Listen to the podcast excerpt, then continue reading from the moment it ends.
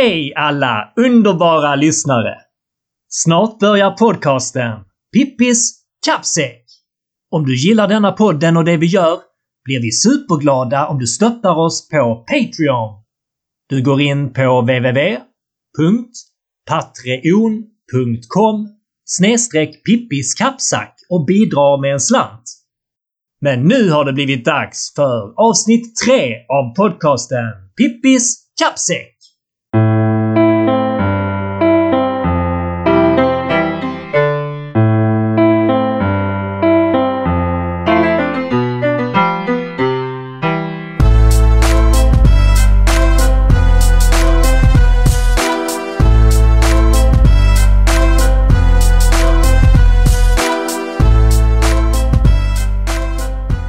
Då är vi tillbaka med det tredje avsnittet alltså och eh, ni kan lyssna på oss i princip överallt där poddar finns nu.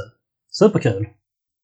Det första inlägget från eh, veckan som varit, det handlar om att vara shopaholic. Du kan väl berätta lite vad det innebär för dig att vara shopaholic?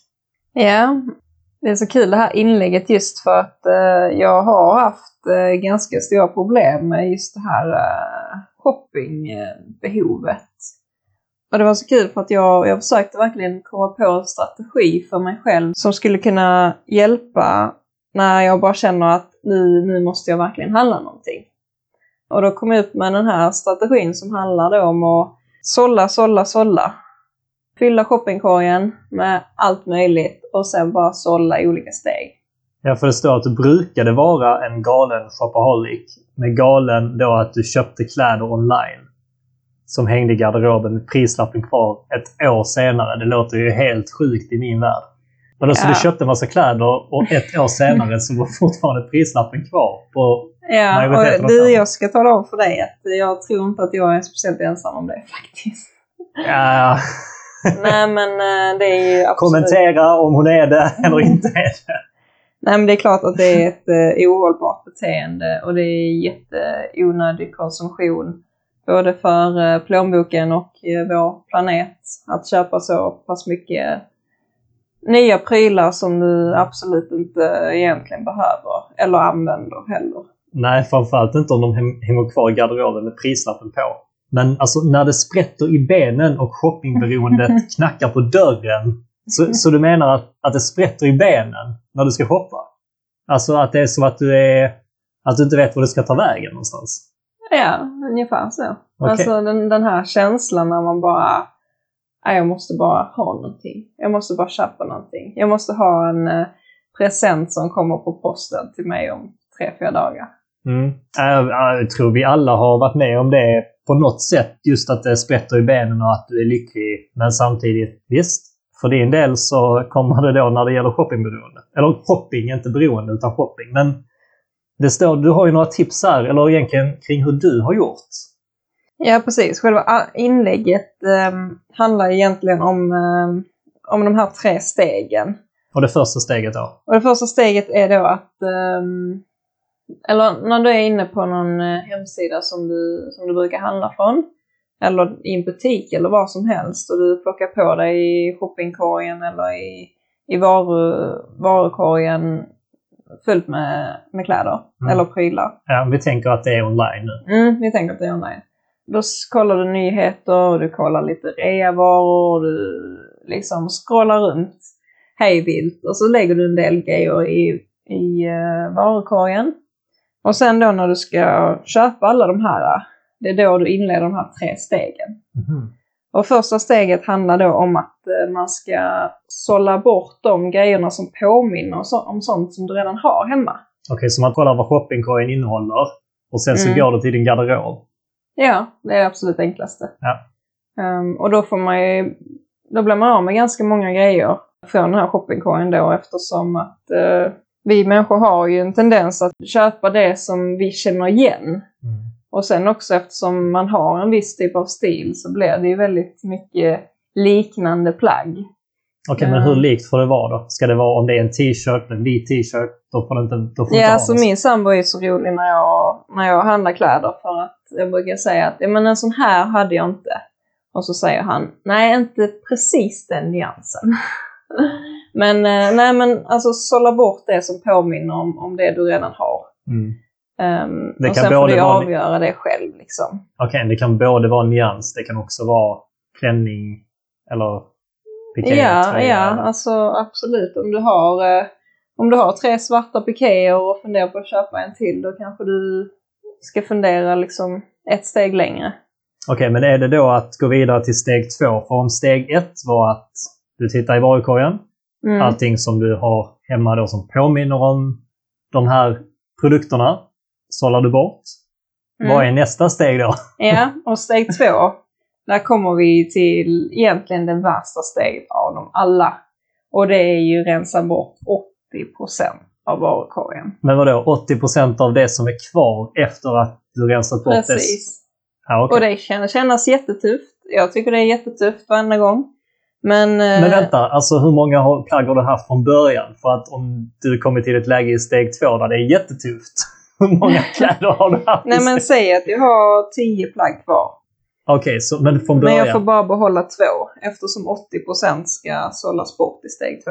Ja, okej. Men hur många brukar du sålla bort i steg ett? Eller det skiljer sig åt. Ja, det är en hel del. Vadå, har du 100 plagg i steg ett? Nej, Ja. nej. Men alltså man... Nej, men om man är ute och kollar runt på hemsidor då är det mycket liksom. Och det kan vara olika grejer. Det kan vara att, ja, som sagt att man hittar någonting på, på rea och man hittar någon nyhet.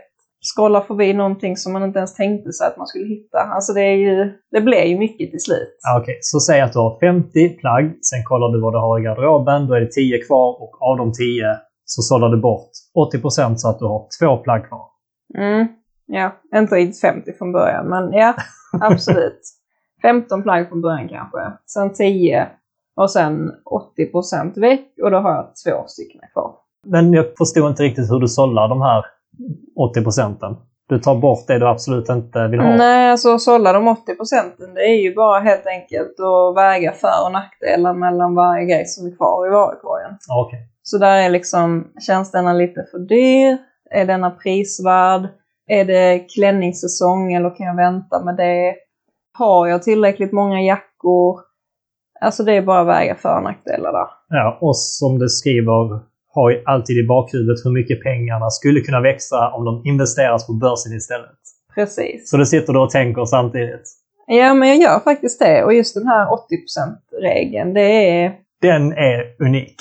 ja, men det är, det är jobbigt men samtidigt, man, man behöver inte alla grejerna. Jag har någonstans insett det, fast att jag verkligen, verkligen tycker det är kul och online-shoppa. Men det blir ju liksom online-fönstershopping kan man nästan säga. Eftersom du, du får ju inte så mycket prylar hem till slut. Nej. Och då kommer vi då till steg tre. Det sista steget. Ja. Och som mycket annat i livet så handlar det om att sova på saken. Okej. Så eh, likadant om du är väldigt eh, arg över någonting eller irriterad eller ledsen så brukar det fungera att sova på saken. Och även i det här fallet om du jättegärna vill ha någonting så vänta en natt. Alltså sov på det och om du fortfarande jättegärna vill köpa de här prylarna dagen efter då, då kan du slå till. Okej, så det är två prylar kvar och du sover på saken och vaknar morgonen efter. Vad gör du? Alltså för mig, och det, detta är egentligen sjukt för att det är så himla onödig tid som jag lägger på att online-shoppa utan att faktiskt köpa någonting. Men oftast, oftast för min del så blir det ja, att dagen efter så är jag inte intresserad av att köpa grejerna längre. För att det är det här, alltså det är det här beroendet. Det är jättesvårt att, att egentligen säga vad det är men det är någonting som gör att jag bara känner känslan nu vill jag köpa någonting. Och dagen efter då har man liksom lugnat de nerverna lite. Det är Mm. hemskt men det är, det är sant. Det är tyvärr sant. Nej, om det är som du också skriver att det gäller ju att hitta en strategi som fungerar för en själv. Denna strategin fungerar för dig och eh, sen så skriver du också att om du har större problem än ett shoppingberoende så bör du ta till experthjälp istället. Lycka till! Mm, Ja, men precis. Alltså detta är ju... De här tre stegen är någonting jag har kommit på och någonting som funkar bra för mig. Och jag har verkligen varit ner på, på köpen. Alltså jag har ju ett dressingroom som är större än vårt eh, sovrum. Alltså det är... Jag vet inte hur många galgar här är men... eh, Jag skulle väl gissa på att eh, jag har ungefär ja, 320 galgar. Så vilka, vilka plagg är det jag behöver? Det, det kan ju inte finnas mer klädesplagg som jag faktiskt behöver. Och då pratar vi om det här vill-höver. Alltså, man vill ha slash behöver. Fast man behöver inte det, utan man vill höver det. Det är ett sånt slanguttryck för oss shopaholics. Och därför så känner jag att de här tre stegen, om jag nu upprepar dem igen, med att sålla bort det som liknar någonting man redan har, ta bort 80% och sen så på saken. Det funkar skitbra för mig. Sen att jag lägger otroligt mycket onödig tid på att välja ut kläder, klicka till varukorgen, se så att måtten skulle passa till min kropp och så vidare. Det är ju mest bara skämmigt men... Det är tidsfördriv som alla andra. Precis. Nästa inlägg handlar om eh, någonting som kan utveckla dig själv, skulle jag gissa på. Intrapersonell kommunikation och varför den är så viktig. Kan du ja, utveckla det här detta? inlägget, det är också någonting som vi pratat om i, i skolan faktiskt. Och eh, i och med att jag inte bara vill ha ett Instagramkonto som fokuserar på ekonomi utan även om, om inspiration och, och motivation för en själv så tycker jag att detta är ett jätteviktigt inlägg faktiskt. Som handlar om den inre dialogen, alltså hur du pratar med dig själv. Precis, eh, intrapersonell kommunikation till skillnad från interpersonell kommunikation. Det är dialogen vi har med oss själva. Interpersonell kommunikation är dialogen vi har med andra.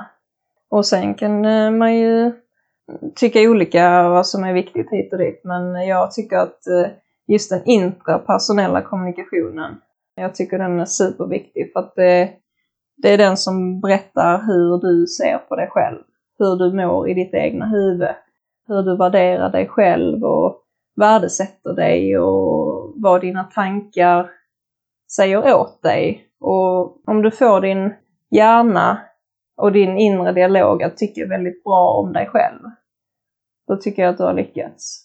Mm, och det kan ju såklart vara bra att ha en utvecklande dialog med någon annan. Men samtidigt kanske det startar med att ha en bra dialog med sig själv. Den enda som kan få dig att nå dina drömmar är du själv. Men Ja. självbild, är det det som är en del av detta? Alltså ens självbild och ens självkänsla kopplat med ens självinsikt kan skapa goda förutsättningar för ett eh, bra självförtroende.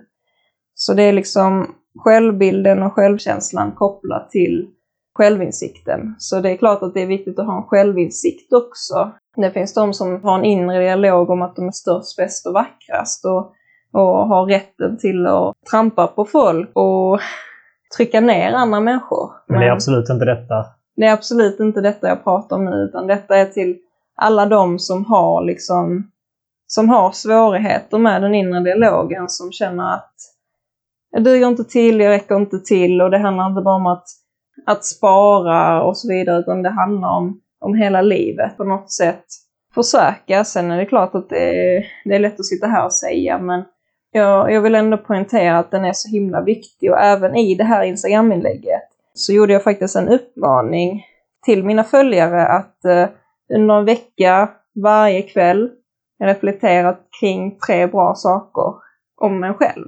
Ska man skriva ner det eller ska du hur, under en vecka så ska Mm. du varje kväll tänka på tre saker som är bra med det du har gjort under veckan eller det Nej, det man har gjort under dagen. under dagen. Ja, just Och det. och det kan vara vad som helst. Alltså, hade jag skrivit ner ikväll vad jag har gjort under dagen idag som jag är nöjd med, som jag tycker var positivt, som jag är stolt över. Skulle det vara till exempel att jag har fått vila. Jag har gått en lång promenad med min sambo och min hund. Och jag har eh, tvättat. Det är tre bra saker. Sen behöver det inte alltid vara vad man har gjort. Men det kan även vara någonting man själv, att eh, idag har jag ätit upp min mat, om det skulle vara en sån grej. Idag känner jag mig extra nöjd med mina långa ben eller korta ben eller eh, mina fina ögon. Alltså vad som helst, men bara någonting som, som förstärker det positiva samtalet med dig själv. Det kanske är någonting som du vill ska vara på ett visst sätt också. Mm, Det behöver inte- Jag förstår vad du menar. Det är, det, men- det är därför att detta är liksom... Det finns minst tre grejer som alla har gjort under en dag som är någonting positivt. Och som sagt, positivt för dig själv. Jag menar, jag väljer att, att säga att en positiv grej med mig är att jag har vilat idag. Och det är för att jag har haft en stressig vecka. Jag har behövt en, en dag eller ett par timmar och tagit det lugnt. Och jag har gått en lång promenad, det har varit jättefint väder. Det kan vara en positiv grej. Det beror på hur din situation och hur ditt liv ser ut. Mm. Det kan ju vara att du bara har eh, ringt eh, till din mamma och sagt hej eller, eller Verkligen, ja men absolut. Det kan vara en väldigt liten sak menar jag. Och det är det som är tanken att jag har inte velat skriva någonting att vad man ska tänka på utan det är upp till dig själv. Mm. Detta är bara liksom till för att de som följer mig på Instagram ska få en chans att bara ta några minuter på kvällen och reflektera. Och det jag hör, tror det är superviktigt. hör det ihop då med den sista här att ens självbild och ens självkänsla kopplat med ens självinsikt kan skapa förutsättningar för ett gott självförtroende. Det är det som gör de här, de här små mikrohandlingarna som leder till att du får ett gott självförtroende eller Ja, absolut. Och just det här med om man vill nå drömmar i livet, att, att det kommer inifrån. Men eh, man måste ju skapa sig en, en bra självbild, se sig själv på ett värdefullt sätt. Även få en självinsikt som inte är eh, negativt laddad. För jag tror inte att det, det går så himla mycket energi på att bry sig om det då. Istället för att lägga den energin på att leva ett kreativt och härligt liv. Det tredje inlägget kretsar kring ekonomi. Där eh, du tar upp eh, bolåneränta. Mm. Vad eh, menas med detta då? Att det är värdefullt för oss att göra någonting med bolåneräntan, står det. Ja, är det värt att försöka sänka bolåneräntan? Okej, Frågetecken. okej. Ehm, och detta är ju bara för att jag själv har gjort det ganska nyligen. Eh, det är många på Instagram som pratar om bolåneräntor hit och dit och det kan ju kännas lite tjatigt. Samtidigt så, jag och min sambo betalade, hade en eh, relativt bra ränta, rörlig ränta. Och så i, vid årsskiftet så gick räntan upp i och med att eh, reporäntan steg. I och med att styrräntan gick upp så gick även vår ränta upp. Och eh, då kände jag bara att nej, nu tycker jag att det känns för dyrt. Och inte bara en känsla från det blå, utan det är ju lätt att se. Det är bara jämföra med andra banker, kolla på nätet, se vad andra tar för deras eh, bolån helt enkelt. Mm. Men vad gjorde du då? Du såg att... Eh, ringde du banken eller? Vad? Mm. Jag ringde banken och eh, första samtalet sa de att de inte kunde göra någonting för att hjälpa mig eftersom jag är student och ja, de sa att eh, så som banker brukar göra, det är beroende på din inkomst, det är beroende på värdet på huset och så vidare. Och så vidare. Men det var jag inte intresserad av, utan jag var bara intresserad av att sänka bolånen. Jag var inte intresserad av, av eh, vad hon hade att säga emot det. Liksom. Men det gick sig inte första samtalet, men jag sa att... eh, Du stod inte ensam på lånet heller? Nej, Nej. nej, nej. Men du vet som de brukar säga, de, de vill ju inte sänka räntan hur som helst. Det ska inte vara, ska inte vara superenkelt att bara ringa, utan det ska ju vara, det får ju vara lite besvärat annars så blir det ju, alltså de är ju också säljare, de som jobbar på bankerna. Såklart. Så då sa de att eh, det går inte, men vi kommer att kolla upp om det går ändå, eller? Nej? Nej, de sa att det går inte. Okej. Sen så- bara la de på och så var det inget mer med det? Eh, och så sa jag att jag vill gärna att ni ringer mig igen, eller att min hand, handläggare ringer mig för att ehm, hon var på semester så att jag pratade med någon annan. Okej. Just vid den tidpunkten. Och sen så ringde de veckan efter och så pratade vi lite igen och då, då hade jag kollat upp ännu mer. Alltså man måste ju själv också ha lite att komma med. Mm. Säga Mm. att de andra bankerna har en Ja, annan typ och av så var ju snittränta. också, så, så var ju också fallet. Eh, Det är ganska svårt, man kan inte bara hitta på saker, men man har ändå rätt till en genomsnittlig låg ränta, tycker jag. Eh, Man kan inte... Ja, men man får jämföra med andra banker, för då kanske det i slutändan är det kanske värt att byta bank, om Mm. det skulle vara. Mm. Och tanken med det här inlägget var ju då att eh, jag ville få fram en summa pengar som vi faktiskt sparade varje år genom att sänka vår bolåneränta med 0,2 procent. Och då var det då 2400 kronor som vi sparar varje år. Och sen skrev jag då i det här inlägget att det blir mat till vår hund för ett helt år. En ganska liten hund ser det ut att vara. En liten hund precis, så eh, han äter inte så mycket men mat till honom för ett helt år. Däckbyte och däckhotell för bilen. Både byte till sommardäck och sen byte till vinterdäck.